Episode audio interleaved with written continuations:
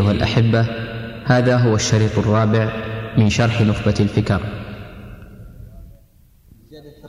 أن يكون الحديث مرويا بكم؟ بخمسة فيزيد بخمسة أشخاص مثلا وكلهم يصرح. اصبر بخمسة أشخاص. ثم يزيد؟ يزيد سادسا سادسا طيب. هذا هو. أن يكون الحديث مرويا بخمسة رجال فيزيد سادسا هذا المزيد في متصل الأسانيد. ما شرطه؟ نعم. أن نعلم اتصاله بحيث يكون كل واحد يقول كل واحد من الخمسة يقول حدثني. فإذا جاء واحد زائد مزيدا في متصل الأسانيد ولهذا قال فيه متصل. ونحن لا نعلم الاتصال إلا إذا قال حدثني أو سمعت أو ما أشبه ذلك. طيب. إذا قال إنسان وما الذي يظهرنا إذا زاد أحد الرواة رجلا؟ نعم. آه، يعلم أن الحديث يكون بذلك ضعيف أن هذا الرجل يعني أدخل أقحم في في, في الإسناد ولم يعني هذا واحد من الوجوه يعني أن يكون الزائد ضعيفا فيؤدي إلى ضعف الحديث هذا واحد. إذا كان ثقة يؤدي إلى نزول الإسناد. صحيح. وإذا كان ثقة يؤدي إلى نزول الإسناد. ولا شك أن علو الإسناد أفضل من نزول الإسناد. طيب. قال أو بإبداله والمر... نعم. ما هو المضطرب؟ سامع.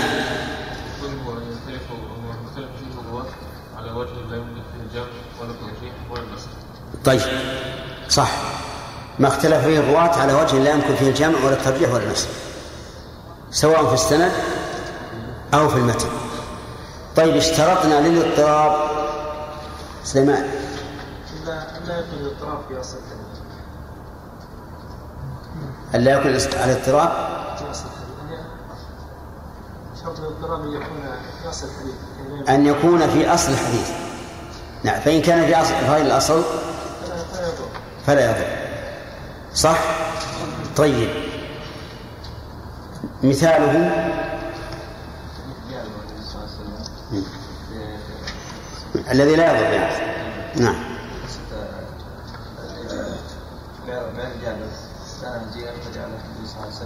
اختلافهم في إيش؟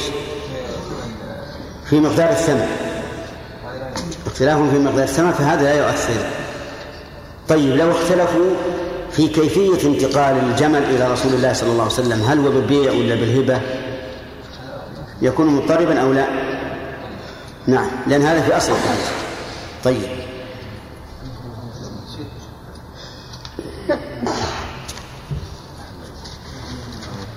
المضطرب هل هو من أقسام الصحيح أو من أقسام الضعيف يا عبيد؟ أقسام الضعيف نعم. وجه ذلك؟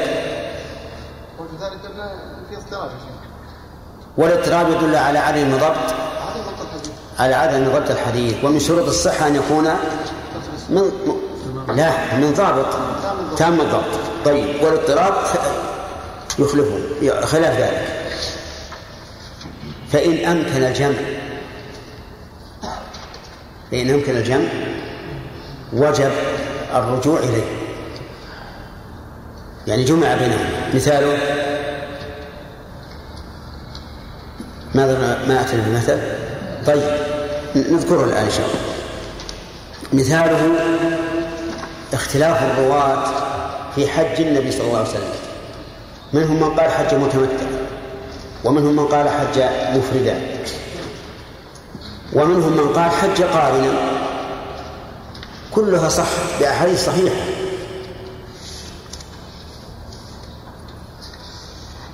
وقال الإمام أحمد رحمه الله لا أشك أن النبي صلى الله عليه وسلم حج قارنا والمتعة أحب إلي. فهذا الاضطراب يمكن الجمع فيه. فيقال أما من قال إن النبي صلى الله عليه وعلى آله وسلم حج مفردا فيحمل على أحد وجهين. إما على أنه أحرم أولا بالحج ثم أتي فقيل له قل عمرة وحجة فأدخل العمرة على الحج. وهذا على رأي من يرى جواز إدخال العمرة على الحج. أو يقال إنه أحرم بالحج أي إنه فعل ما يفعله المحرم بالحج. لأن القارن لا يزيد في أفعال الحج على فعل المفرد أفعالهما سواء فيحمل قوله فتحمل رواية الحج على يلا. على أنه فعل ما يفعله الحاج المفرد. فصار في هذه المسألة في في رواية إحرامه بالحج وجهان من الجمع. الوجه الأول إيه؟ أنه كان في أول الأمر حج مفردا أي أحرم بالحج ثم قيل له قل عمرة وحجة فأدخل العمرة على الحج. وهذا وإن كان خلاف ما هو مشهور عند الحنابلة لكنه قول قوي. أن يدخل الإنسان على الحج ويكون قارنا لكن سيأتينا إن شاء الله في الحج أنه إذا أحرم بحج وحده أن الأفضل أن يفسخه إلى عمرة ليصير متمتعا. طيب التمتع الذي قال إنه أحرم متمتعا كيف نجمع بينه وبين من قال إنه حج قارنا. الجواب أن القرآن يسمى تمتعا في عرف الصحابة. يسمى تمتعا. ووجهه أنه تمتع بالترفه في عدم ايجاب السفرتين للحج والعمرة. كلام معقول ولا؟ ها؟ طيب. القارئ حصل له في سفره هذا عمره حجه. أليس كذلك؟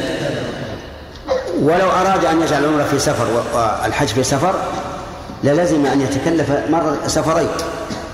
فهنا تمتع بترك أحد السفرين. بترك أحد السفرين. فصار متمتعا. كما أن التمتع بلغة الصحابة يشمل القران. وعلى هذا يكون تكون النتيجة أنه أحرم قارنا وأن رواية إحرامه بالحج مفردا أو متمتعا لا تنافيه وحينئذ يزول الاضطراب. حينئذ يزول الاضطراب في الحديث.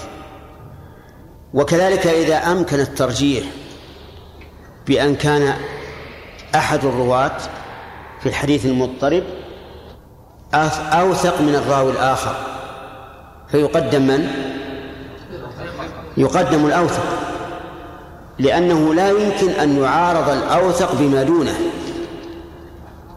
إذ أن المعارضة لا بد أن يكون المعارض مقاوما أما إذا كان غير قائم فليس بمعارض ولهذا يقال القائم غير المقاوم ليس ليس بمعارض. حتى لو فرض في حديث لكن لا يعارض الحديث الآخر يعني بمعنى أن الحديث الآخر أقوى منه فلا معارضة بينهما لأننا سنأخذ بإيش؟ بالأرجح. وكذلك إذا كان هناك نسخ أخذنا بالناسخ ثم قال وقد يقع الإبدال عمدا امتحانا. قد يقع الإبدال عمدا. رحمه الله. هذه النخبة اليسيرة أشارت إلى هذه المسألة النادرة يعني أنه ربما يمتحن المحدث يمتحن المحدث فيساق إليه الحديث ويبدل أحد الرواة بالآخر امتحانا أو يركب إسناد حديث على حديث آخر لنمتحنه.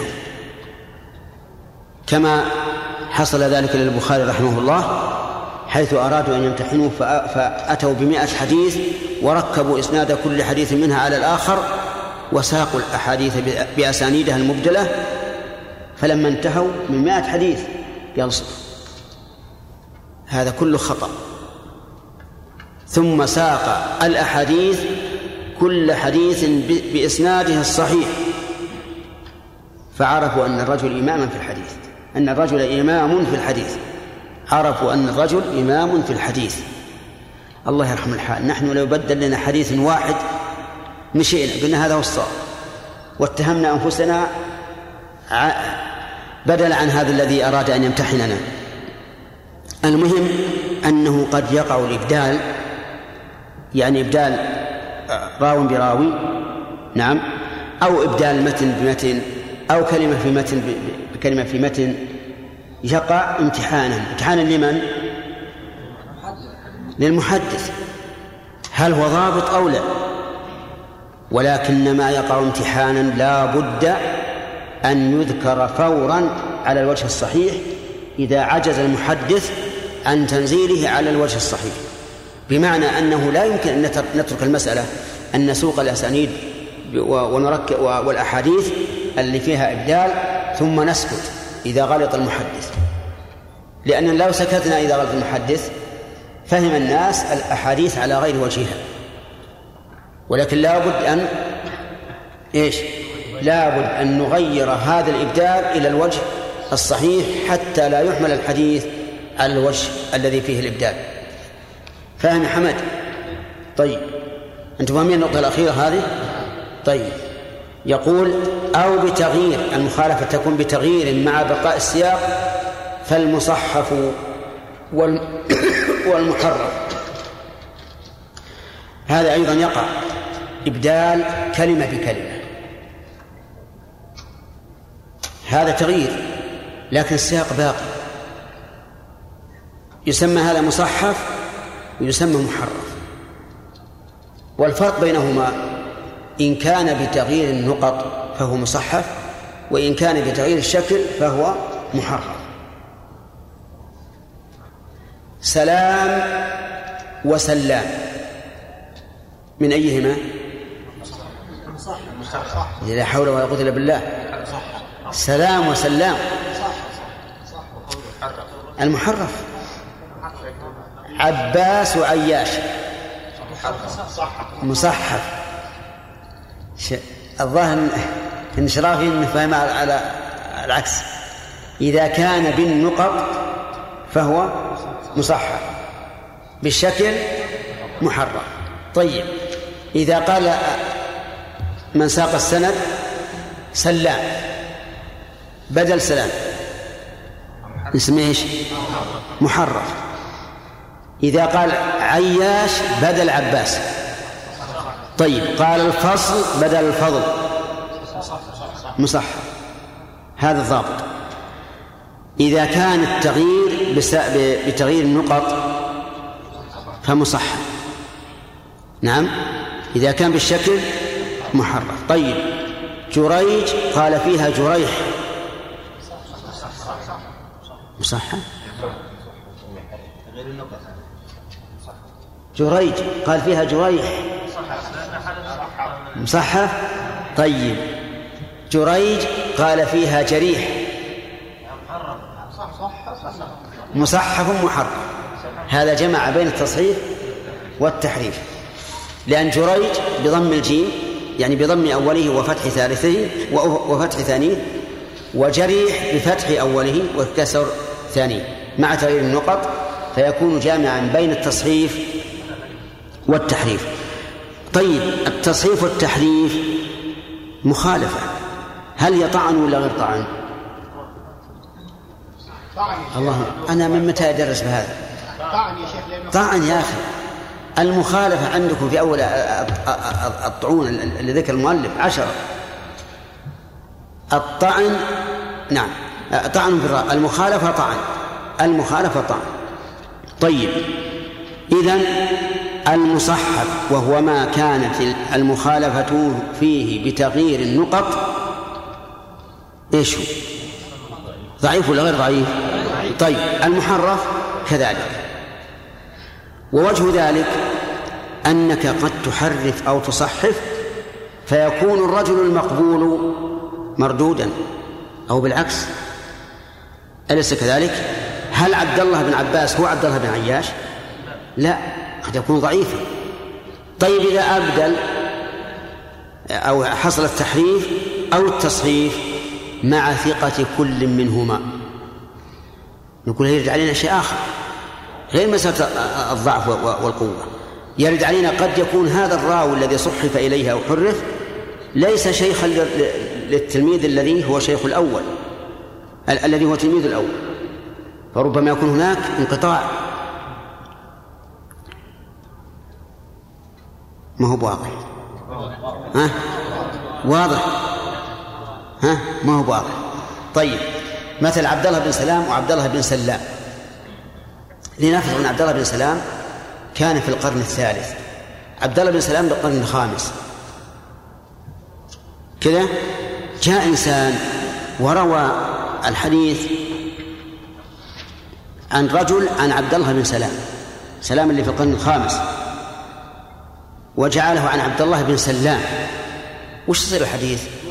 منقطع منقطع لأن بين الراوي اللي في القرن الخامس وشيخ اللي في القرن الثالث 200 سنة فيكون منقطعا فصار فصار المصحف والمعرف حتى والمحرف حتى لو كان البدل والمبدل منه لو كان ثقتين فإنه لا من أقسام الضعيف ليش؟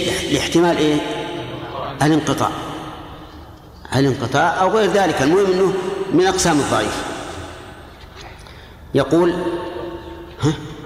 انتهى. انتهى؟ الحين لا حول ولا قوة. لا لا ما ما ما نبقي بالشرح. عشر دقائق الآن. لا. عند النخبة اي أحسنت. اي اي نعم. ضيقنا عليه من, من قبل. الشيخ الشيخ لا تحتمل نعم. والمسلم أنه في دون إيه. طيب. توافقون على هذا؟ ما يوافقون قم. الفرق بين ال- المدلس والمرسل الخفي.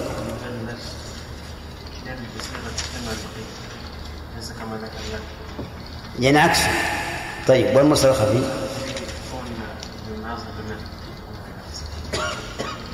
إذا المدلس يروي عمن لقيه ما لم يسمعه منه. كذا يروي عمن لقيه ما لم يسمعه منه. والمرسل الخفي عمن عاصره. نعم يروي عمن عاصره ولم يلقه. طيب فإن روى عمن عاصره ولقيه ما سمعه منه؟ مد- مدلس. ها؟ روي عمن عاصره ولقيه ما سمعه منه. ها؟ مرسل واضح؟ هذا المرسل الواضح. ها؟ خفي؟ كيف؟ متصل؟ ملقن ولا غير ملقن؟ الله يهديك طيب إذا إذا روى عمن عاصره ولقيه ما سمعه منه فهو متصل. وإن روى عمن لقيه ما لم يسمعه منه لا مدلس. وإن روى عمن عاصره ولم يلقه فهو مرسل خفي. طيب. ما عاد يمدينا نناقش إن شاء الله. نخلي الدرس القادم يعني مسألة مناقشة. ها؟ إيه إن شاء الله. يا مسألة مقلة. وقد يكون مقلا فلا يكثر الأخذ عنه وصنفوا فيه الوحدان أو لا يسمى اختصارا وفيه المبهمات ولا يقبل المبهم ولو بس بسم الله الرحمن الرحيم. الحمد لله رب العالمين وصلى الله وسلم على نبينا محمد وعلى آله وأصحابه ومن تبعهم بإحسان إلى يوم الدين. لما ذكر رحمه الله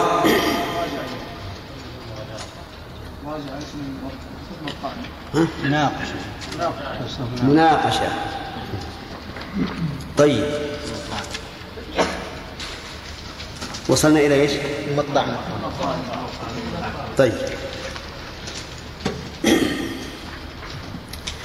بسم الله الرحمن الرحيم. إذا كان الحديث رد لطعن في الراوي بكونه كذابا. كم ماذا نسميه؟ نسميه الموضوع. وش معنى الموضوع؟ يعني مكذوبة على رسول الله صلى الله عليه وعلى آله وسلم. ما حكم الكذب على الرسول؟ كبيرة من الكبائر والدليل؟ من كذب علي متعمدا فليتبوأ مقعده من النار. طيب أحسن. الأحاديث الموضوعة هل صنف الناس فيها؟ نعم. أي أنت. صنفوا فيها صنفوا فيها. هل تحفظ كتابا في ذلك؟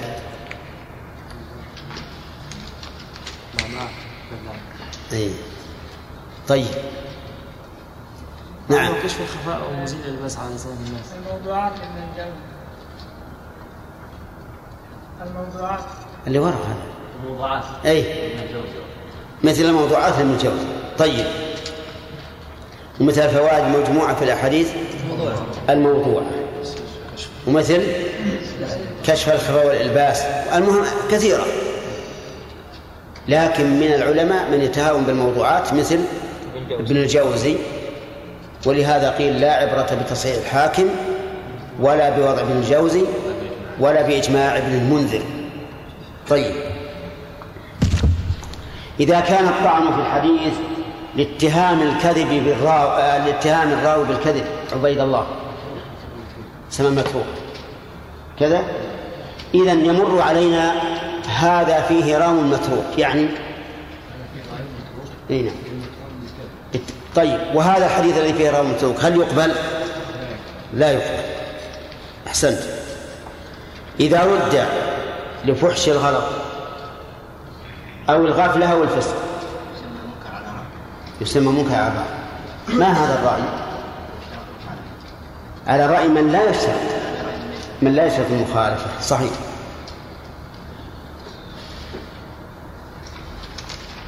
إذا رد الحديث لوهمه.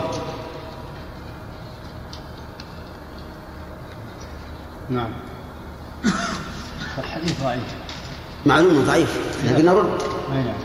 لكن ماذا يسمى؟ متروك. نعم. متروك بالمعنى العام اللغوي؟ يمكن. كل الضعيفات متروكات. مردود. كل الضعيفات مردودة. لكن له اسم خاص يا حمد. إذا رد نعم. الحديث. إي نعم لوهم لوهم الراوي. أي نعم. ها. المشكوك مشكوك. نعم. معلم يسمى المعلل إذا اطلع عليه بالقرائن وجمع الطرق. طيب. بس إذا كثر الشك. اصبر انتهى الموضوع. طيب. يسمى المعلل. طيب. المعلل هل هو من الأمور السهلة؟ لا ها؟ ليس من المسلم وش الدليل من كلام المؤلف؟ ما يحضر ما حفظ النخبة؟ ما جمع الطرق وجمع الطرق ليس بالهين معناه إنك لابد تشوف طرق الحديث في كل الكتب فهو من أصعب علوم الحديث وفي نفس الوقت من أدق علوم الحديث لأنه قد يأتيك سند ظاهر الاتصال وهو منقطع وحديث ظاهره عدم مخالفة الثقات وهو مخالف ولهذا المعلل لا يطلع عليه إلا الحذاق من علماء المصطلح. طيب. المخالفة أنواع. أي نعم. تكون الأول. تقديم وتأخير ومدرج لا لا أول. مدرج اسناد إن كانت بإيش؟ تقديم وتأخير. لا. لا في إدخال الموقوف المقبول. لا. تغيير السياق يا شيخ. هي تغيير السياق. ول- ولو عددتها كل الخمسة عرفتها. نعم. تغيير السياق. طيب. إن كانت بتغيير السياق فهو؟ تغيير السياق فهو؟ تغيير السياق. طيب. مثاله؟ مثاله. حديث عبد- الله بن مسعود في الوضوء. قول أسبغ الوضوء. لا لا هذا هو حديث أبي هريرة وليس هذا. أن يروي الحديث عن عن ثلاثة مثلا؟ جماعة. عن جماعة. بأسانيد في مختلفة. أسانيد مختلفة ثم يأتي راوي في- فيرويه عن واحد في- عنهم عن الجميع بسند أحدهم. بسنة أحد إي نعم. هذا تغيير السياق. أو يركب سند حديث على حديث آخر. أيضا. حتى وإن لم يجمع فهذا يسمى تغيير سياق. طيب. آه ما هو مدرج المتن؟ الأخ أي نعم. دمج موقوف مرفوع. مثل.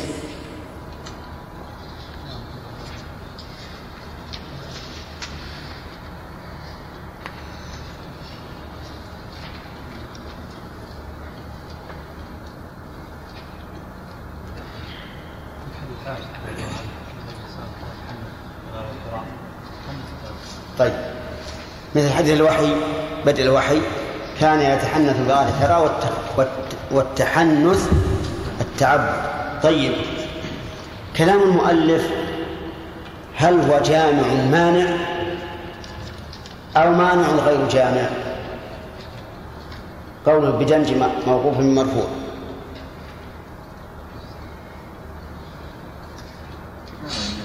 ها؟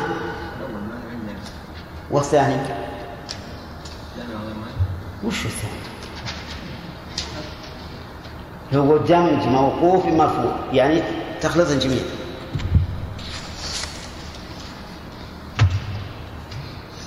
نعم. مانع غير جامع. أحسنت. وش اللي يخرج, يخرج منه؟ يخرج منه.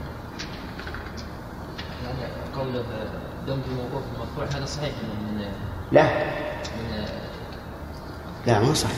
هذا من- من هنا صار الجامع.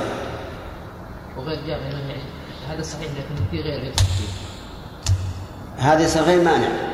شوف إذا كان غير المحدود يدخل في الحد فهو غير مانع. وإذا كان يخرج من الحد فهو غير جامع آدم. ها.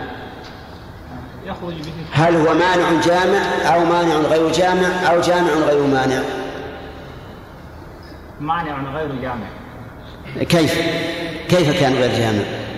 أنه يخرج به كلام ال- الكلام المدرج في الحديث. إيش؟ يخرج الكلام المدرج في الحديث. هو كان هو مدرج لكن يقول دمج موقوف بمرفوع نعم. لأنه إذا بين المدرج يخرج. إي. اذا معنى غير مانع غير جامع وغير مانع غير جامع ولا مانع؟ كيف؟ لأنه غير جامع لأنه أخرج ما ال- ال- المقطوع الذي يصله يعني التحنث وهو التعبد. لا اترك التعنت لا تجيب المثال. نعم. خلوا بعيد. أخرج بقوله دمج موقوف أخرج المقطوع وهو ما أخرج ما لو كان دمج مقطوع يعني من كلام التابعين أو من بعدهم بموقوف مع أنه مع أنه يدخل فيه. يدخل فيه مدرج. وغير طيب. وغير مانع مم. من ناحية أنه أخرج إذا كان الدمج مبينا. نعم. وهو ولذلك نقول لابد بلا بيان. طيب تمام. اذا الأخ عرف شيء وأنت عرفت شيء يعادل. فصار كلام المؤلف لا جامعا ولا مانع غير واضح طيب وش اللي غير واضح مثال يا شيخ. ها؟ مثال. طيب إذا قال دمج موقوف بمرفوع معناه أن المدرج لا بد يكون لا بد أن يكون موقوفا. والموقوف من كلام من؟ الصحابة. طيب لكن هناك مدرجات من كلام من- بعد الصحابة. ويسمى مدرجا. مثل والتحنث التعبد هذا من كلام الزهري. وهو دمج موقوف بمرفوع ولا مقطوع بمرفوع؟ مقطوع بمرفوع. هذا غير جامع الآن.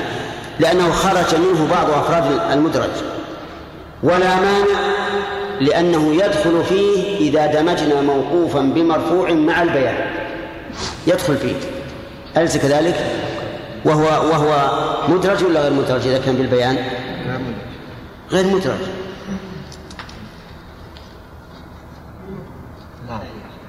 ها؟ لا إله إلا الله. قلنا غير جامع. هذا واضح ولا لا؟ غير جامع. ليش؟ أخرج لأنه يخرج منه ما إذا كان الإدراج من بعد الصحابة. والإدراج سواء من الصحابة أو من غيرهم إدراج. هذا واضح هذا ولا مانع. إذا قلت دمج موقوف بمرفوع مع البيع وهو مبين يعني بأن قال الذي أدمج وأقول كذا وكذا. أو جاء الحديث في, في طريق آخر غير موجود فيها الموقوف. ظاهر كلام المؤلف أنه مدرج مع أنه إذا كان مبينا ليس بمدرج موضح. فصار مانعا أو غير مانع؟ صار غير مانع. إذا لا جامع ليس جامعا ولا ولا مانعا يا آدم أفهمت الآن؟ الحمد لله. وغيركم؟ وغيره؟ فهمتم كلكم؟ على كل حال تكلم منكم من تكلم وسكت من سكت والسكوت دليل على الموافقة. طيب. إذا كان التغيير بتقديم بتقديم بعض بعض الحديث على بعض سواء في السند أو في المتن.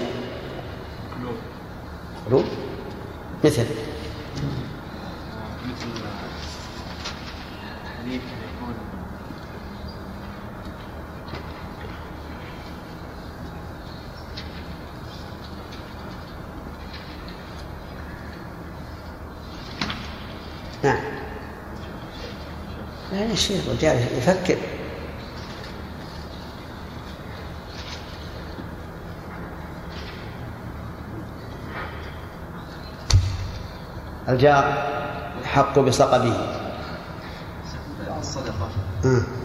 قول النبي صلى الله عليه وسلم في قلب الحديث حتى لا تعلم حتى لا تعلم شماله حتى تعلم يمينه لا الحديث. الحديث حتى لا تعلم شماله ما تنفق يمينه. وقد رواه بعضهم. بالقلب. حتى لا تعلم حتى لا تعلم يمينه ما تنفق شماله. زين هذا يسمى إيش؟ مقلوب طيب مقلوب في السند. يعني مثلا أن يروي مثلا حدثنا زيد عن عمرو فيقول حدثنا عمرو عن زيد. صح. يقول حدثنا زيد عن عمرو هذا الأصل. فيقول حدثنا عمرو عن زيد هذا قلب. طيب. ما هو المزيد في متصل الاسانيد موسى؟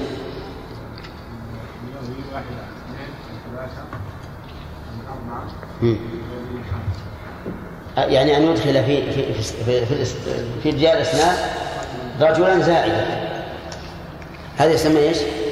المزيد في متصل الأسانيد ونسأل الآن بماذا نعلم أنه مزيد؟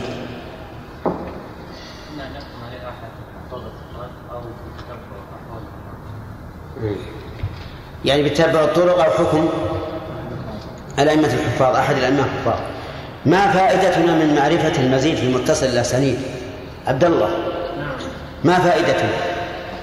فائدتنا يعني أن نسقط مثلا هذا الزائد أو نعرف أن الحديث ضعيف. هذا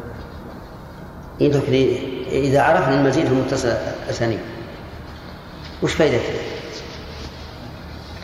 يعني نعرف أن هذا الزائد لا حاجة فائدة. ها؟ نعرف أن هذا الزائد لا حاجة فائدة. بس؟ ما يكفي. لا لا إحنا ذكرنا فائدتين يا عبد الله. لكن حال بينهما الخميس والجمعة.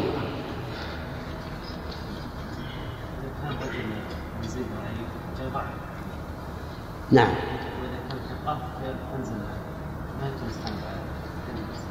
يعني الفائدة أننا نسلم من تضعيف الحديث لو كان الزائد ضعيف. ضعيف هذه واحدة. ونسلم من نزول الإسناد أيضا فيما إذا كان ثقة. ومعلوم أن نزول الإسناد يوجب ضعف الحديث. وأظن آدم فهم. نعم. إيه. شرافي؟ كلكم فهمتوا؟ طيب.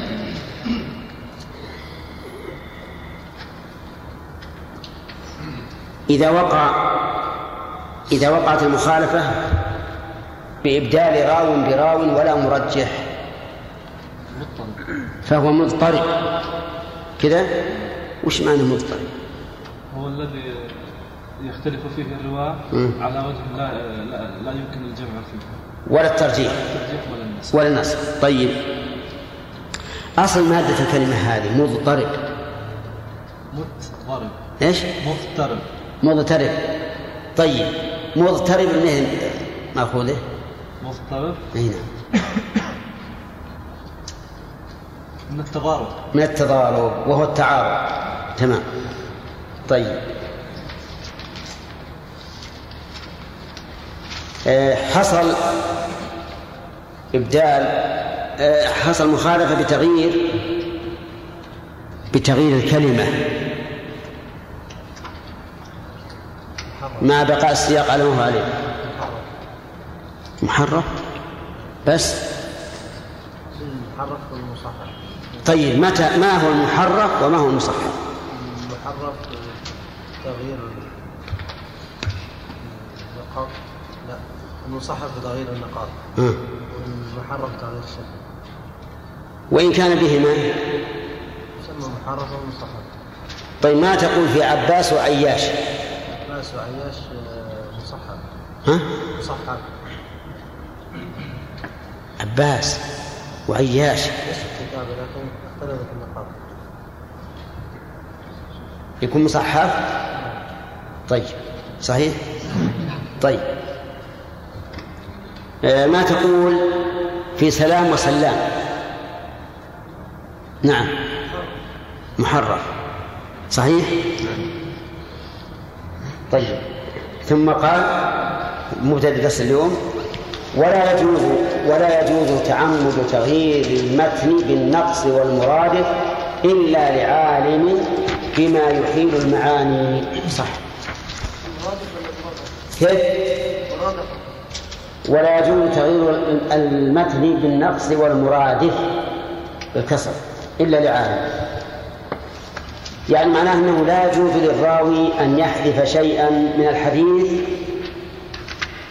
إلا بشرط أن يكون عالما بما يحيل المعنى وأن لا يحذف من الحديث ما يتعلق به أو المذكور.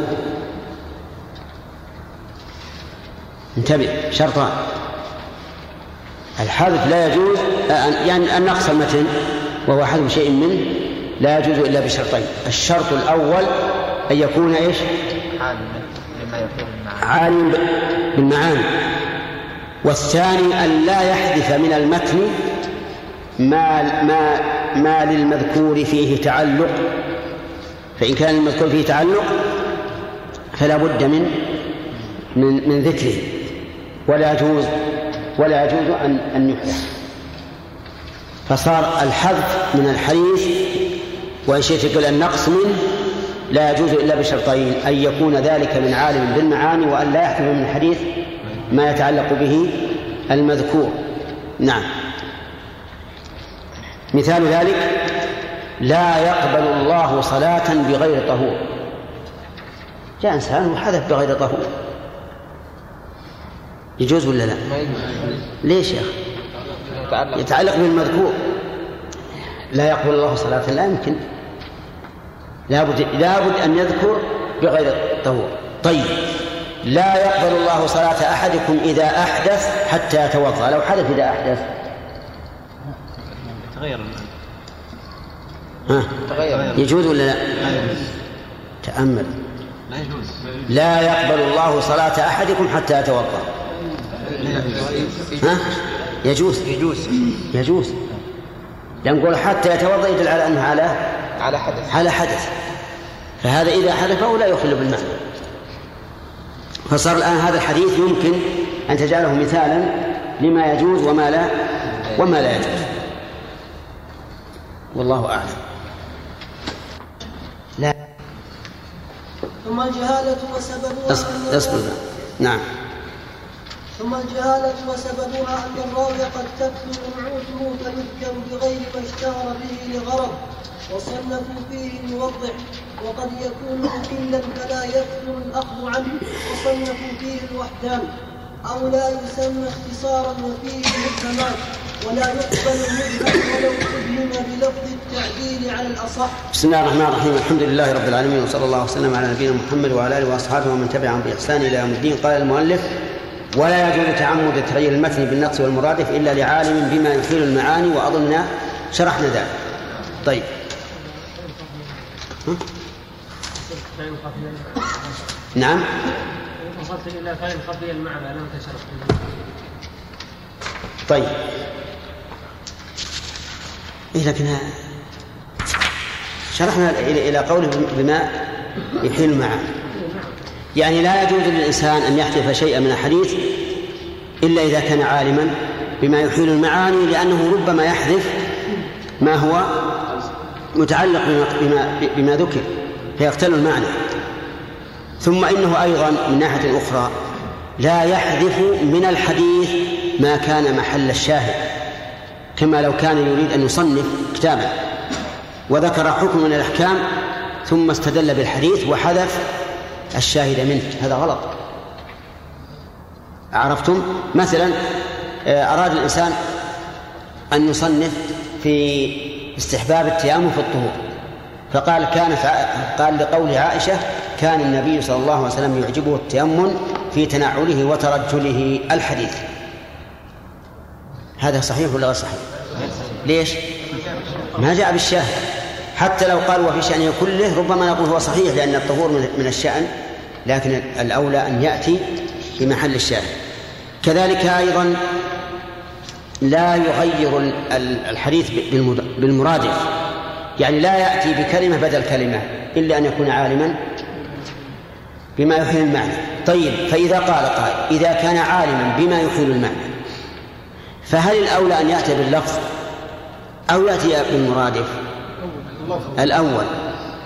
طيب إذا قال إذا كان يخاطب عامة والعامة لا يعرفون معنى اللفظ النبوي أو لا يعرفون معنى اللفظ الذي روي به الحديث لكن يعرفون المرادف فهل الأولى المحافظة على اللفظ الذي جاء به الحديث أو أن يأتي بالمرادف؟ نعم. نقول إن كان لا يريد أن يأتي إلا بكلمة واحدة فالأولى المرادف لأن المقصود المعنى. وإن كان يمكنه يعني الوقت واسع يمكنه أن يأتي باللفظ النبوي أو على الأقل باللفظ الذي روي به الحديث ثم يأتي بالمرادف شرحا له فهذا أولى. لكن أحيانا يكون الوقت محدد كما لو يريد أن يتكلم في إذاعة مثلا أو ما أشبه ذلك. فلا فلا يمكنه أن يأتي باللفظ الأصلي والمرادف. فنقول إذا كنت تخاطب عامة فأتي باللفظ الذي يفهمونه لأن المقصود هو المعنى. وفي معنى ذلك ما لو كنت تريد أن تخطب الجمعة وحولك أناس لا يفهمون العربية إطلاقا فهل يجوز أن تخطب بلغتهم فقط دون العربية؟ نعم عدا الواجب عدا الواجب إذن في المسألة ثلاثة أقوال من الطلبة. الأول المنع والثاني الجواز والثالث التفصيل. فلا ندري على هذا التفصيل مش وراءه. الصواب أنه جائز. إذا ك... إذا كنت تريد أن تخطب في قوم لا يفهمون العربية فاخطب بلغتهم. والدليل على جواز قوله تعالى وما أرسلنا من رسول إلا بلسان قومه ليبين لهم. فإذا قال قائل لماذا لا تجعلون الخطبة باللغة العربية ثم تترجم إلى لغة القوم؟ قلنا هذا تطويل لا فائدة منه. والكلام الذي أقوله أنا ليس متعبدا به حتى نقول حافظ على عربيته. كلام من عندي لإفهام المعنى. وقد بلغني أن بعض الأخوة الذين يسافرون إلى الخارج إذا خطبوا بقوم لا يعرفون العربية إطلاقا قالوا نأتي بالعربية أولا ثم بلغة هؤلاء القوم وهذا ليس بصحيح. يقول اخطب بلغة هؤلاء القوم إلا شيئا واحدا. القرآن. هذا لا يغير. طيب ثم قال فإن خفي المعنى فإن خفي المعنى احتيج إلى شرح الغريب وبيان المشكل. خفي المعنى أي معنى؟ معنى الحديث. حينئذ نحتاج إلى شرح الغريب وبيان المشكل. الغريب النادر الاستعمال. الغريب في اللغة هو النادر الاستعمال فإذا جاءت ألفاظ الحديث بكلمات نادرة الاستعمال الاستعمال فإن نحتاج إلى شرح الغريب وبيان المشكل. وقد اعتنى المحدثون بذلك. فمنهم ابن الأثير في نهايته في غريب الحديث اعتنى بذلك. وصار أي كلمة غريبة يأتي بها ويشرح معناها نعم. نحتاج إلى هذا. إذا مرنا حديث فيه كلمة غريبة أو تركيب غريب نحتاج إلى بيان المشكل وشرح الغريب. إذا إلى أين نرجع؟ إلى الكتب المؤلفة في ذلك. فإن لم يك... فإن لم تكن فإلى قواميس اللغة العربية. نعم. ثم قال ثم الجهالة. الجهالة وش من أسباب الطعن؟ ها؟ الثامنة؟ طيب. الثامنة. الثامنة الجهالة. والجهالة هي عدم العلم. الجهالة عدم العلم. ولها أسباب سيذكرها المؤلف.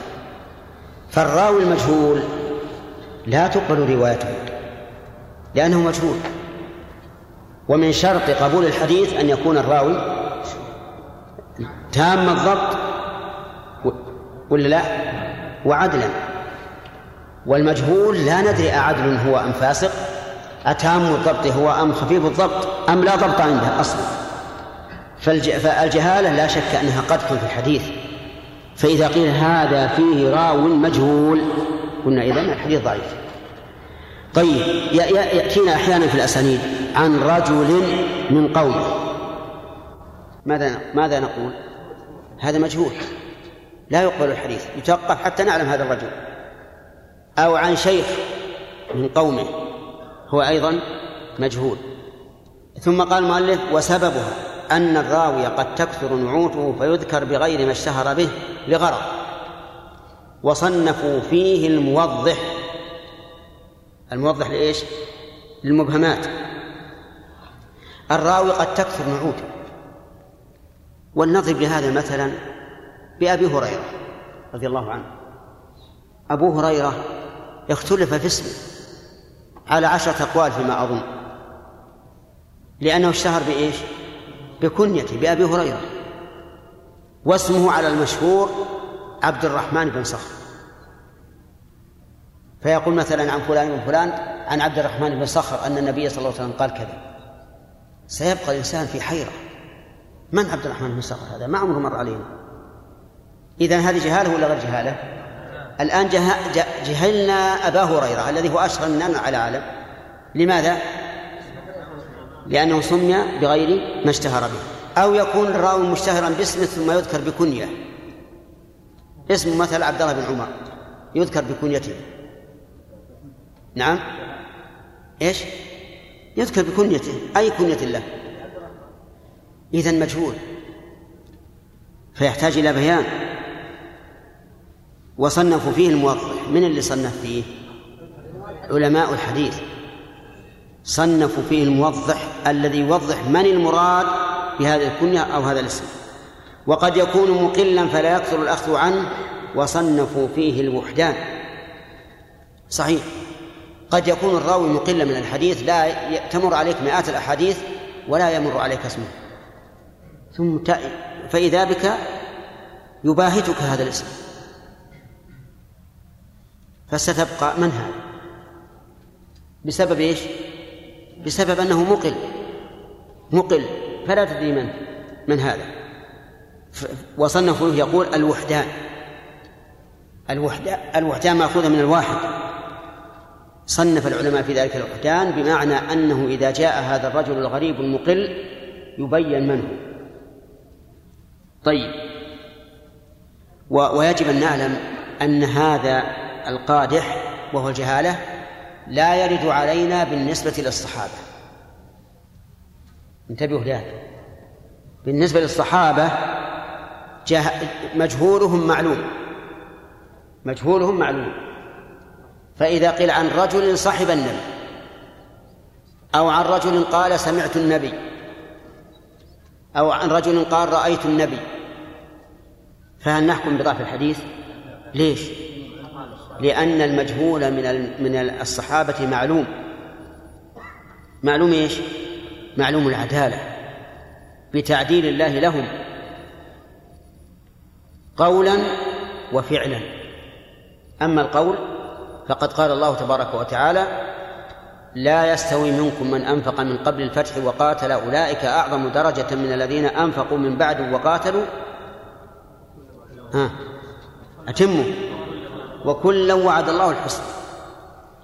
وأم وقال تعالى والسابقون الأولون من المهاجرين والأنصار والذين اتبعوهم بإحسان رضي الله عنهم ورضوا عنه. فهم معدلون بشهادة الله عز وجل. القولية والفعلية. الفعلية اختيارهم لهذا النبي الكريم أن يكونوا أصحاب الله. وش يدل عليه؟ على عدالتهم وفضلهم. ثم رضا الله عز وجل أن يكونوا هم الواسطة بين الرسول وبين أمته بنقل شريعته أيضا تعديل. ثم إنهم أيضا لم يحس... لم يدركوا زمن الفتن والأهواء إلا القليل منهم. فإذا الصحابة جهالتهم علم. طيب يقول المؤلف أو لا يسمى اختصارا وفيه المبهمات. لا يسمى اختصارا. كيف اختصارا؟ يعني لا يسمي الراوي من روى عنه اختصارا. بل يقول مثل قال فلان قال فلان وإن كان بينهما واسطة اختصارا. ويقول وفيه نعم. وفيه إيش؟ المبهمات يعني صنفوا فيه المبهمات. يقول مثلا حدثني رجل. ما سماه. بدل من أن يقول حدثني عبد الله يقول رجل. كذا؟ فنقول هذا مبهم. من يبينه؟ العلماء الذين صنفوا بالمبهمات. فقالوا المراد برجل في هذا السند فلان ابن فلان. طيب. والله أعلم. يأتي هذه البقية. ها؟ نعم. نعم. إيه لكن روى. روى الحديث والصحابي لورعه لا يمكن أن ينقل ما لم يضبطه. فمن تمام عدالته أن لا يروي, ما لم يضبطه. طيب. عندنا الآن نظم الورقات. وبه صرح. وبه صرح الجوزجاني شيخ النسائي بسم الله الرحمن الرحيم. الحمد لله رب العالمين وصلى الله وسلم على نبينا محمد وعلى آله وأصحابه أجمعين. سبق لنا أنه إذا كان الراوي مقلا لا يكثر الاخذ عنه يسمى في يسمى صنف فيه الوحدان. وإذا كان لا يسمى اختصارا سمي صنف فيه المبهمات. تطرق المؤلف بعد هذا إلى مسألة. هل يقبل تعديل المبهم؟ الجواب في هذا خلاف. إن عدله من روى عنه فإنه لا يقبل. ولهذا قال ولو أبهم بلفظ التعديل على الأصح. يعني بأن قال حدثني الثقة حدثني العدل فإنه لا يقبل.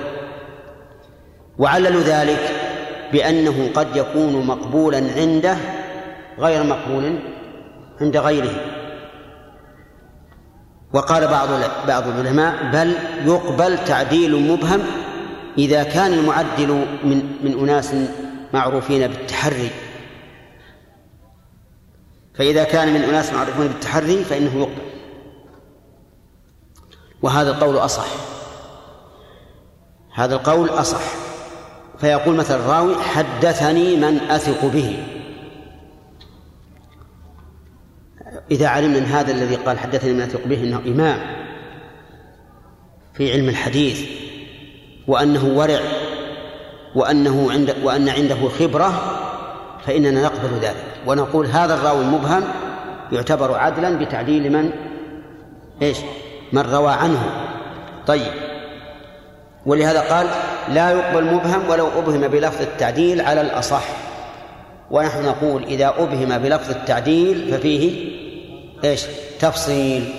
إن كان المعدل المبهم ممن يوثق بتعديله قبل وإلا فلا. طيب. ثم قال فإن سمي وانفرد واحد عنه فمجهول العين أو اثنان فصاعدا ولم فصاعدا ولم يوثق فمجهول الحال وهو المستور. آه، هنا بين رحمه الله أن المجهول ينقسم إلى قسمين مجهول عين ومجهول حال. مجهول العين أن لا يروي عنه إلا واحد يعني أننا تتبعنا الرواية عن هذا الشخص فوجدنا أنه لم يروي عنه إلا فلان. مثل ما روى عنه إلا الشافعي إلا الإمام أحمد. هذا يسمى إيش؟ مجهول العين لأن عينه لم تثبت بشهادة اثنين. لو روى عن اثنان زالت الجهالة العينية وبقت الجهالة الحالية هذا يسمى مجهول العين.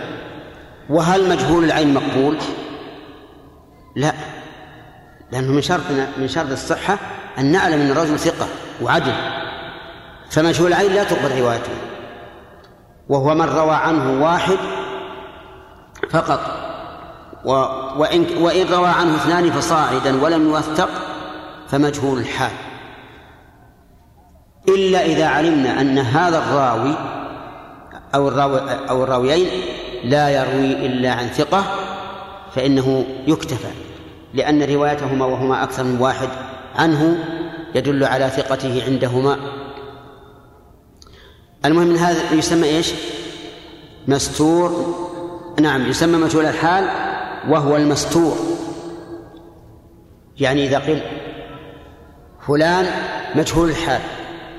يسمى إيش؟ المستور.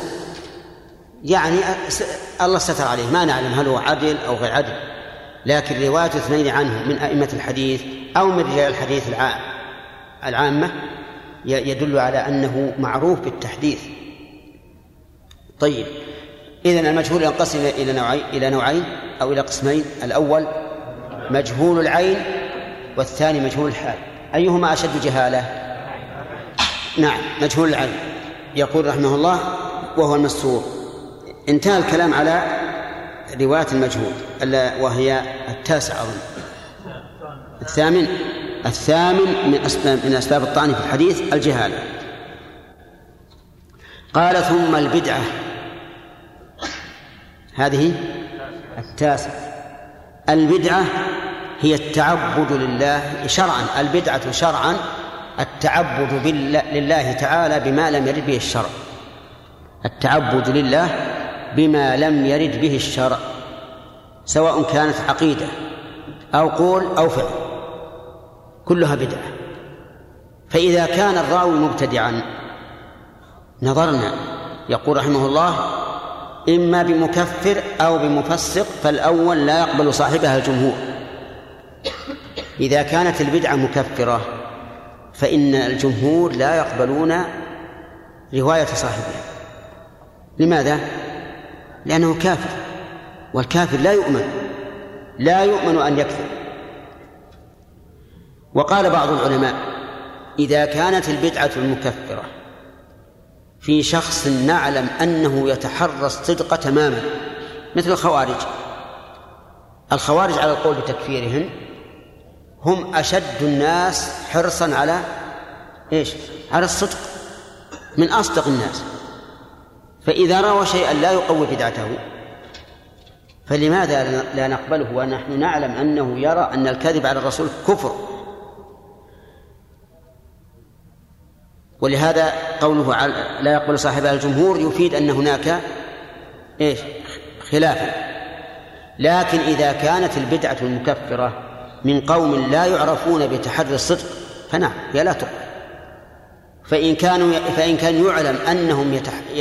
أنهم يتعمدون الكذب فإنها فإن قبولها أبعد وأبعد.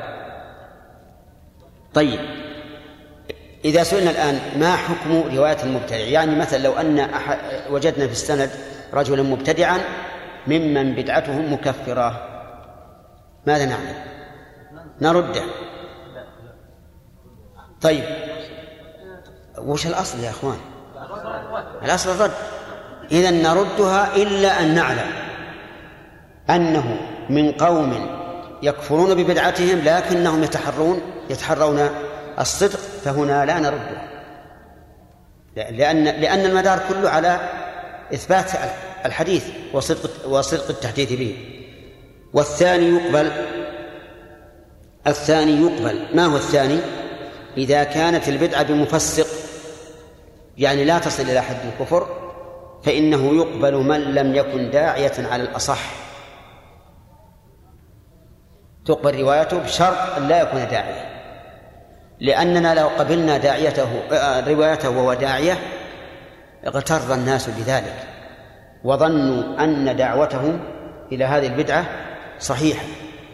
فنحن نرد بدعته لكونه نعم نرد روايته لكونه داعية. هكذا قال المؤلف رحمه الله وهو المشهور. طيب وقال بعض العلماء إذا كانت البدعة مفسقة فإننا ننزله منزلة الفاسقين. ونقول هو ومن فسق بالأفعال على حد سواء. إن رددنا من فسق بالأفعال رددنا هذا وإلا فلا. لأن كونه داعية أو غير داعية ليس له أثر في نقل الخبر. صحيح له أثر في في القبول أن يقبل عند الناس أو لا يقبل. وهذه مسألة خارجية.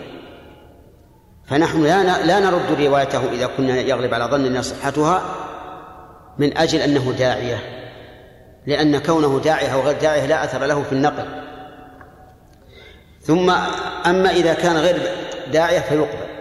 قال إلا إن روى ما يقوي بدعته فيرد على المختار. وذلك لأنه متهم.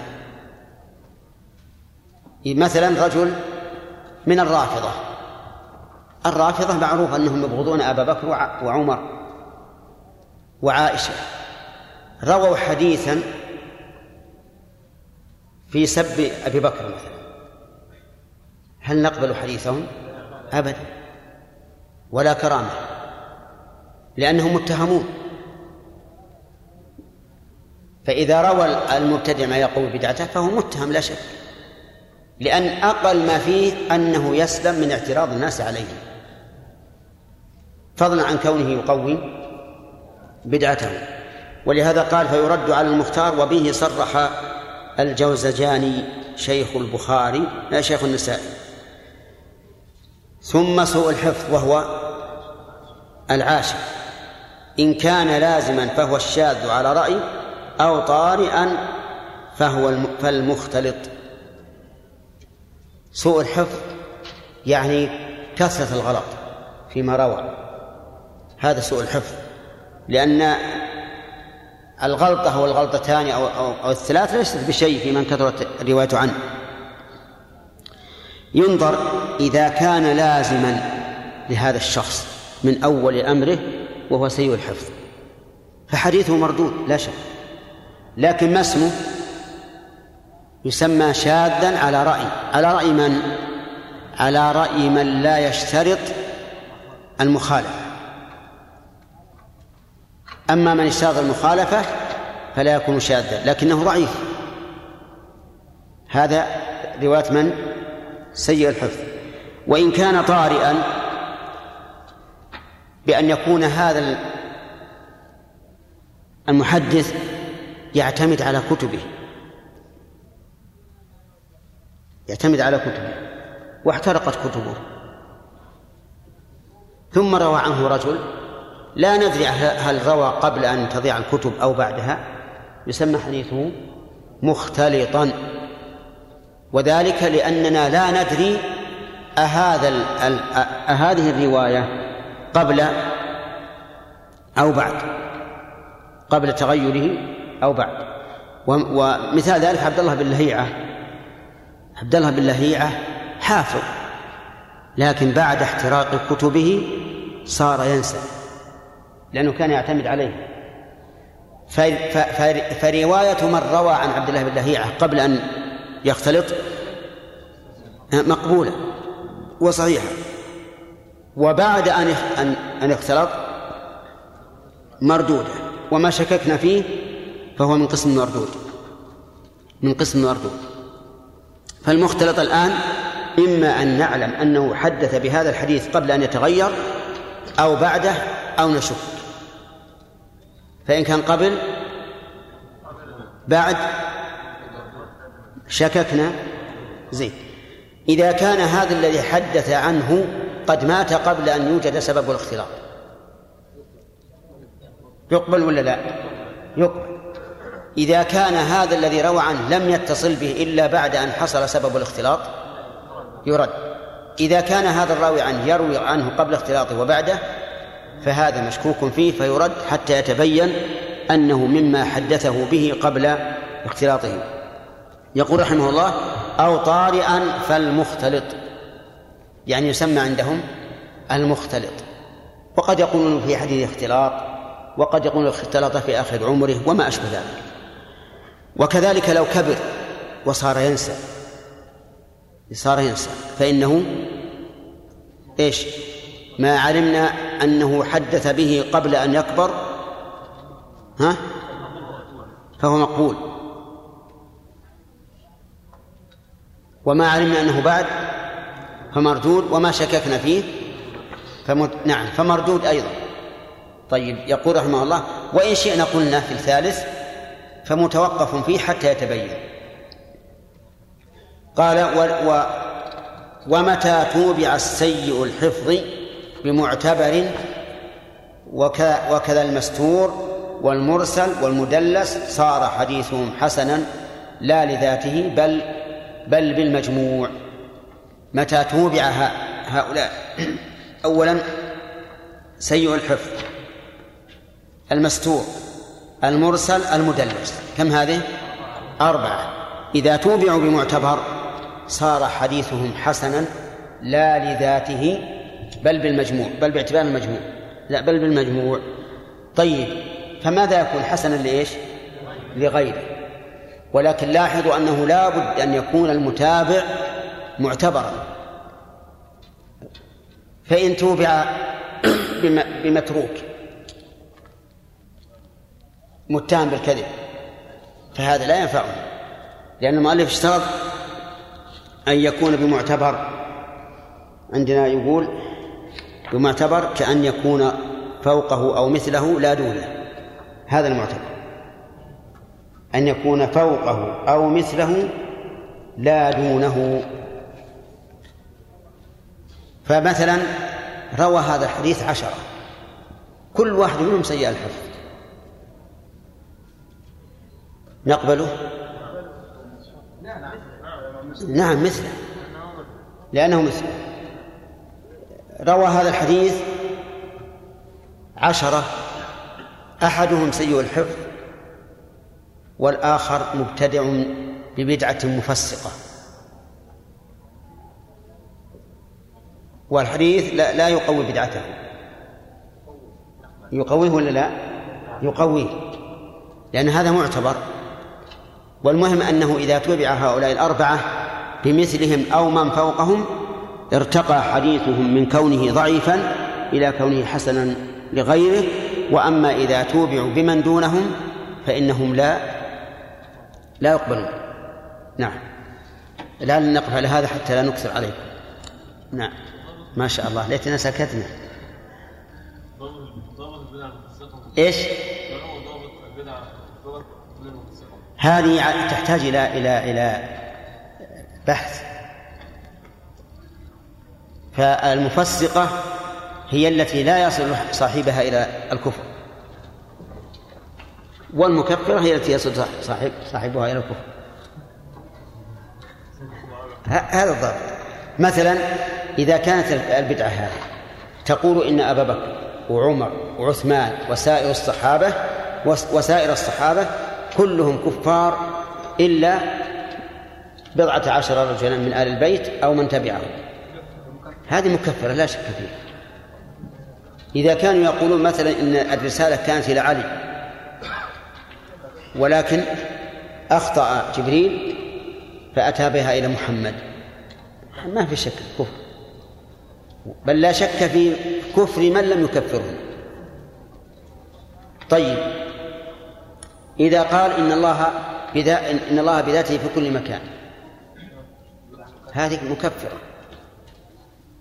إذا قال إن الله لا يرى في الآخرة بالعين هذه مكفرة عند بعض بعض العلماء. وبعض السلف صرح بأنه كافر. لأن دليلها قطعي.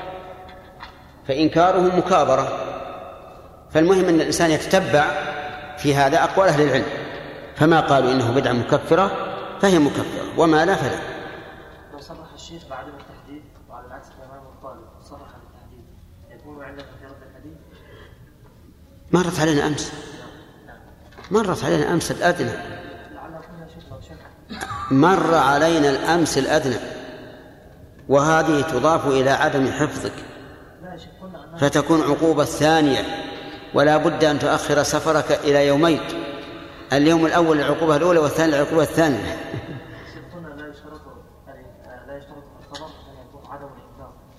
نعم.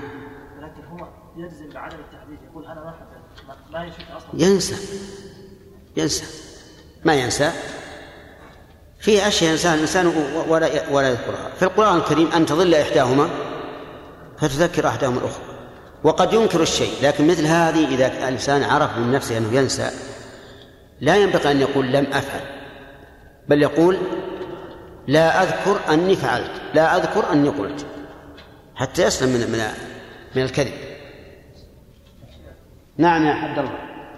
بالنسبة لمناسبة الاعتبار أو المتابعة نعم يقول في أحاديث القيد أنها من قبيل الحسن لغيره فيدل على أنه ينقض الوضوء بعضهم يقول بل هي ضعيفة.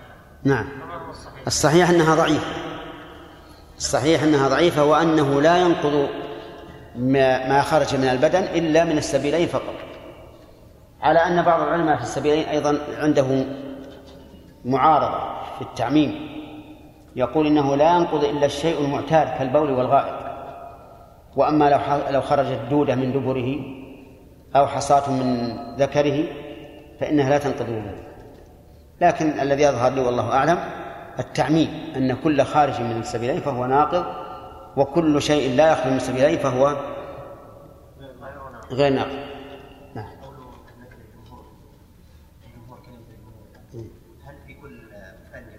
اي نعم. الجمهور في كل فن بحسب. فمثل الجمهور هنا جمهور المحدثين. اي نعم بارك الله فيكم هنا قال اذا كان سوء الحفظ ملازما فهو الشاذ قلنا يعني عند من لا إيش معنى؟ آه. مرت علينا فيما سبق ابطني موسى أعط الأخ شرافي بارك الله فيكم المجهول ما يكون يعني تقسيم هذا من باب تطويل لأن المجهول من باب؟ تطويل. إي يعني ما دام انه مجهول مجهول عين أو مجهول حال. فيعتبر مجهول. أما إذا كان قلنا هو عنده ثقه فمجهول عن الجهال لا هو سلمك الله مجهول الحال أهون. يعني كأنه قسم المجهول إلى قسمين. مجهول الحال نكتفي بأدنى تعديل. ومجهول العين نتحرى الشيء إذا عدل خلاص زالت عن الجهال أي لكن إذا عدله من من لا من تعديله ليس بذاك القول. فقد نقبله في مجهول الحال ولا نقبله في مجهول العين. ثم إن نقول لكم هذا مصطلح مصطلح ما هو شيء آه، يتكلمون عن شيء دليل من القرآن والسنة. اصطلحوا على أن الذي روى عنه واحد الموثق مجهول العين. وروى عنه اثنان مجهول الحال. هذا اصطلاح ما ما, ما نقول شيء. بعض أهل الحديث المعاصرين الآن. نعم. التفسير ليس عند السلف عند البخاري أصل مصطلح الحديث من, من, متى حدث؟ طيب. مثل مثل غيره. من الأشياء الحادثة. نعم بعد.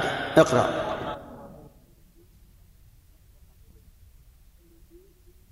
بقى في في إيش؟ في المتن. الآن الإسناد وهو الطريق الموصل إلى المتن. هذا الإسناد. الإسناد والسند هو الطريق الموصل إلى المتن وهم رجال الإسناد. مثل أن تقول حدثنا فلان عن فلان عن فلان عن فلان هؤلاء يسمون إيش؟ يسمون رجال الإسناد الإسناد. ويسمون السند وذلك لاعتماد الناس عليهم فهم سند.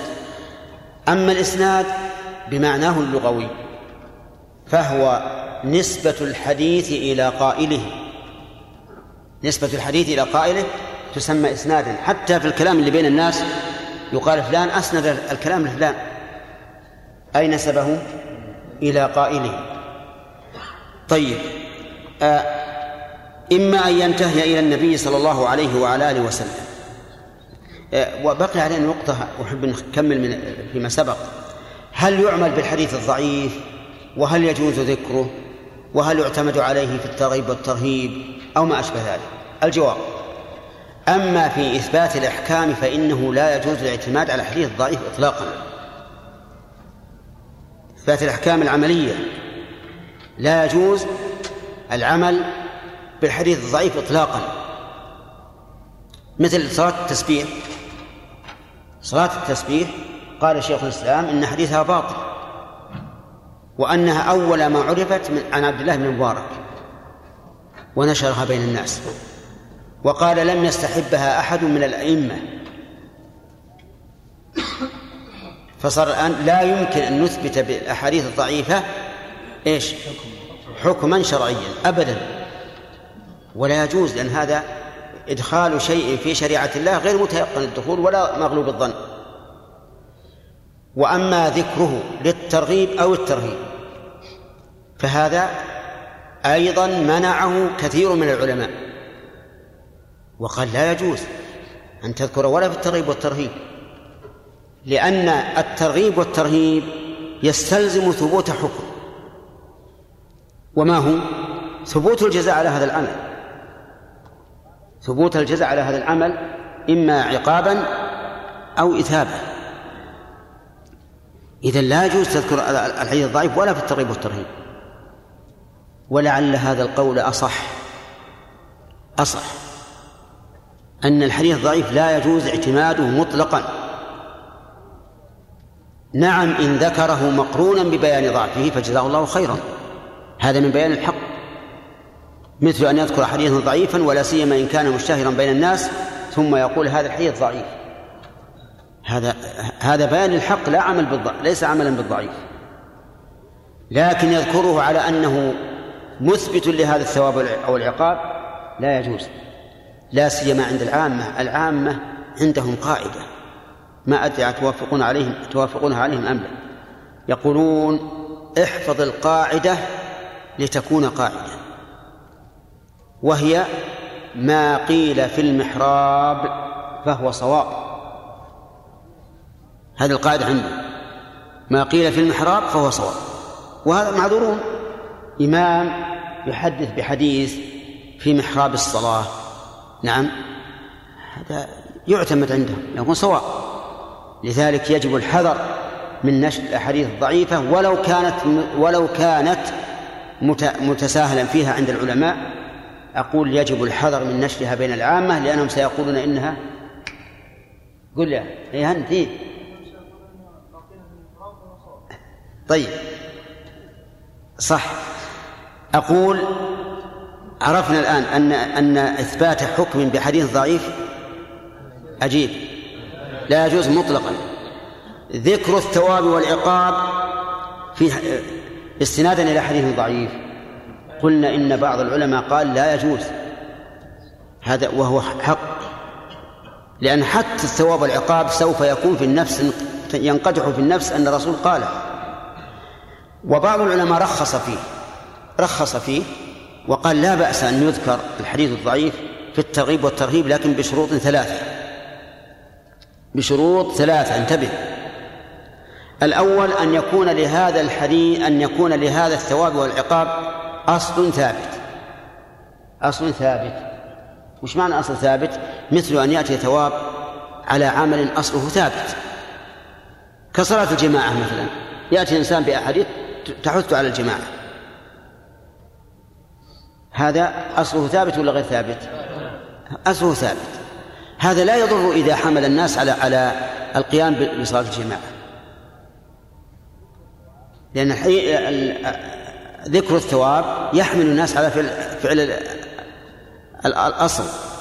فنقول هذا يحث على أمر مطلوب ثابت طلبه ثم إن كان ثابتا عن الرسول عليه الصلاة والسلام فالنفس ترجو هذا الثواب وإن لم يكن ثابتا فهل يضره؟ أجيب لا يضره. لأنه إما إما غانم وإما سالم. هو هو بيصلي على كل حال. لكنه يرجو هذا الثواب. يقول لعله يكون لعل الحديث يكون صحيحا. فالنفس ترجو هذا الثواب. لكن لا تتيقنه. لا تتيقنه لأنه ليس ثابتا. طيب الشرط الأول إيش؟ أن يكون ما ورد فيه الترغيب أو الترهيب ثابتا. طيب الشرط الثاني أن لا يكون الضعف شديدا بحيث يصل إلى قريب من الوضع. فإن كان كذلك فإنه لا يجوز ذكره. يعني يكون الضعف قريب محتمل. فإن كان بعيدا فإنه لا يجوز ذكره أبدا. الشرط الثالث أن لا يعتقد أن النبي صلى الله عليه وعلى آله وسلم قال. لأنه إذا اعتقد أنه قال فقد حكم بصحته وهذا لا يجوز. فإذا اجتمعت هذه الشروط الثلاثة يا عبد الله فإنه يجوز ذكره في الفضائل أو في في العقوبات. لكني أميل إلى أنه لا يذكر مطلقا. ما دام حديثا ضعيفا فليطرح. وفي الأحاديث الصحيحة غنية وكفاية عن هذه الأحاديث الضعيفة. ولهذا نجد الآن بعض المنشورات نجد تنشر بين الناس والعام يتقبلها على أنها حديث صحيح. من ترك الصلاة ابتلي بخمسة عشر خصلة ثم ذكر خصلة عند الموت خصال عند الموت وخصال بالقبر وخصال طيب هذا ما, ما لا يمكن. في, في, في الترغيب في الترهيب تجي أحاديث ضعيفة نساء معلقات بثديهن وبشعورهن وما أشبه ذلك ويصفصف أشياء من هذا. قد يكون لبعضها شواهد صحيحة وقد لا تكون لا يكون. لكن السلامة من الأحاديث الضعيفة أسلم وأبعد عن الشبهة. وكما قلت لكم فيما صح من السنة غنية عن هذا. الآن نعود إلى درسنا ونقول الإسناد إما أن ينتهي إلى النبي صلى الله عليه وسلم تصريحا أو حكما. إما أن ينتهي إلى النبي صلى الله عليه وسلم تصريحا أو حكما من قوله أو فعله أو تقريره. أفادنا المؤلف رحمه الله؟ نعم.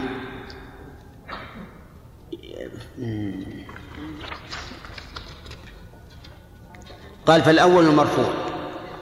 هذا هو المرفوع الذي ينتهي إلى النبي صلى الله عليه وعلى آله وسلم يسمى المرفوع يسمى المرفوع وسمي مرفوعا لارتفاع نسبته لأنه نسب إلى أفضل البشر محمد صلى الله عليه وعلى آله وسلم. فما نسب إلى الرسول عليه الصلاة والسلام فهو مرفوع. ثم إنه رحمه الله قسم المرفوع إلى صريح وحكم. قال إلى النبي صلى الله عليه وسلم إما تصريحا أو حكما التصريح أن ينسبه إلى النبي صلى الله عليه وعلى آله وسلم نفسه. فيقول رأيته فعل كذا سمعته قال كذا قيل عنده كذا وأقر أقره لم ينكره. هذا يسمى مرفوعا صريحا. لماذا سمي صريحا؟ للتصريح بنسبته إلى الرسول صلى الله عليه وعلى آله وسلم. وهذا أكثر المرفوع أكثر المرفوع هذا الصريح. عرفته يا؟ إي نعم. ما هو الصريح؟ المرفوع إلى النبي صلى الله عليه وسلم. ما تقولون في هذا الحد؟ هل هو جامع مانع ولا لا؟ لا. جامع غير مانع. غير مانع. إذا قلنا ما أضيف إلى الرسول صلى الله عليه وسلم هو غير مانع لأنه يشمل الحكم. نعم. أحسنت. ما نسب إلى النبي صلى الله عليه وسلم نفسه فهذا المرفوع صريح. من قوله قال عمر بن الخطاب رضي الله عنه سمعت النبي صلى الله عليه وسلم يقول إنما الأعمال بالنيات وإنما لكل امرئ ما نوى هذا من إيه؟ من قوله من فعله أخبر ذو اليدين النبي صلى الله عليه وعلى آله وسلم أنه صلى ركعتين فقط فتقدم وصلى ما ترك وسجد سجدتين بعد السلام هذا إيش؟ هذا من فعل سأل النبي النبي صلى الله عليه وسلم الجارية أين الله؟ قالت في السماء. هذا إيش؟ هذا التقرير. هذا التقرير. إذن المرفوع صريحا يكون بالقول وبالفعل وبالتقرير. المرفوع حكما هو ما أضيف إلى النبي صلى الله عليه وسلم حكما. يعني لم ينسب إليه نفسه لكنه نسب إليه حكما. مثال ذلك أمرنا بكذا. يقول الصحابي أمرنا بكذا. من أمره هل يوجد آمر في عهد الصحابة غير الرسول عليه الصلاة والسلام؟ نعم. طيب. كذلك إذا قال نهينا عن كذا. قال ثم عطية نهينا عن اتباع الجنائز ولم يعزم علينا. من نهاهم؟ الرسول عليه الصلاة والسلام. طيب أمر الناس أن يكون آخر عهدهم بالبيت. من الآمر؟ الرسول. هل رأيتم في هذه الأحاديث أنها نسبت إلى الرسول صلى الله عليه وعلى آله وسلم نفسه؟ لا. لكن حكما لا شك أنها منسوبة إليه. طيب فعل كذا في عهد النبي صلى الله عليه وسلم. حكم ولا صريح؟ حكم. هذا حكم. طيب. قال جابر كنا نعزل والقرآن ينزل. مرفوع حكما ولا لا؟ طيب. إذا قال قائل كيف تجعلونه مرفوعا؟ والرسول صلى الله عليه وسلم لا يعلم الغيب. الرسول لا يعلم الغيب. أليس كذلك محمد بن حمود؟ يعلم الغيب ولا لا؟ أين ذهبت؟ ها؟ قريب نزهة. طيب. أقول كيف نقول إنه مرفوع للرسول عليه الصلاة والسلام وهو لا يعلم الغيب؟ نقول إذا كان لا يعلم الغيب فربه يعلم الغيب عز وجل. ولا يمكن أن يسكت الله عن شيء محرم إطلاقا حتى وإن لم يعلم به الناس. والدليل على هذا قوله تعالى يستخفون من الناس ولا يستخفون من الله وهو معهم إذ يبيتون ما لا يرضى من القول وكان الله بما يعملون محيطا. فهؤلاء القوم يبيتون ما لا يرضى الله ولا يعلم بهم الناس. ففضح ففضحهم الله عز وجل.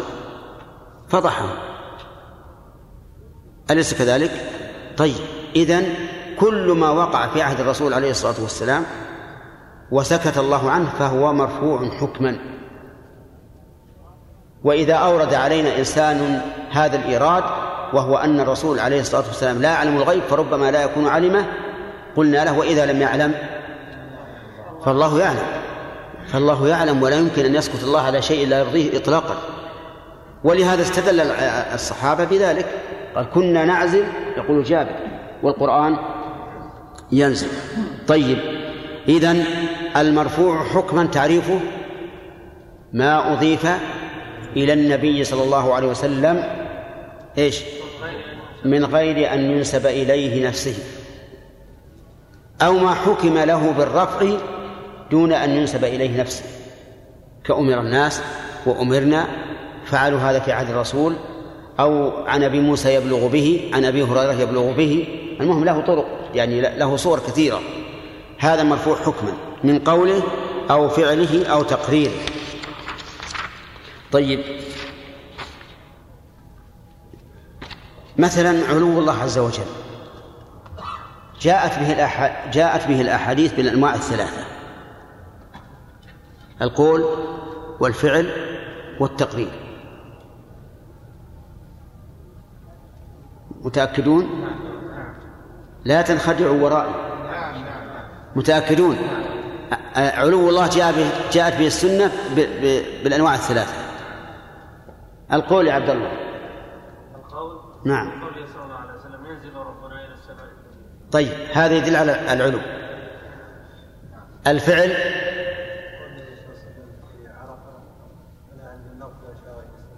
لكن لا تقول قول. إذا قلت قول صار قول قال هل بلغتكم ما اشار إلى إذا أشار لا تقول قال. إشارته إلى السماء هذا إثبات للعلو بالفعل. التقرير تقرير ما شاء الله كلكم رفعتم أيديكم. نعم. حينما سأل الجارية أين الله قال في السماء. نعم. الغريب أن الذين ينكرون العلو سبحان الله العظيم يأتون بما يضحك به السفهاء. قالوا إنه قال أين الله؟ أي أين حكم الله؟ قالت في السماء. والأرض من يحكمها. سبحان الله. نسأل الله العافية. إذا ابتلي الإنسان بالتقليد الأعمى عمي عن الحق. نقف على هذا؟ لأنه جاء. نعم. نعم. اي صحيح. نعم. لكن المؤمن للمؤمن كالبنيان يشد بعضه بعضا. فهل قولك الآن إنكار على عبد الله ولا على الطاهر؟ على الطاهر. ويتضمن نعم ودلالته ودلالته على الإنكار على عبد الله بالالتزام. لابد بل جزاه الله خير. نعم. بعض الاحاديث الضعيفه تكون غير كأن من قد النوم. إيش؟ بعض الأحاديث الضعيفه قول النوم. تأتي أن من قالها يأمن من في النوم. ويكون الإنسان مصاب بالفزع في النوم. ويكون إيش؟ يكون الإنسان مصاب بالفزع في النوم. نعم. فإذا قال هذه الأحاديث نام نوما هادئا ويوقف نفسه. إذا امتنع منها بعض الأيام نسيها أو تركها يأتيه الفزع. هل يشرع له أن يقول هذا؟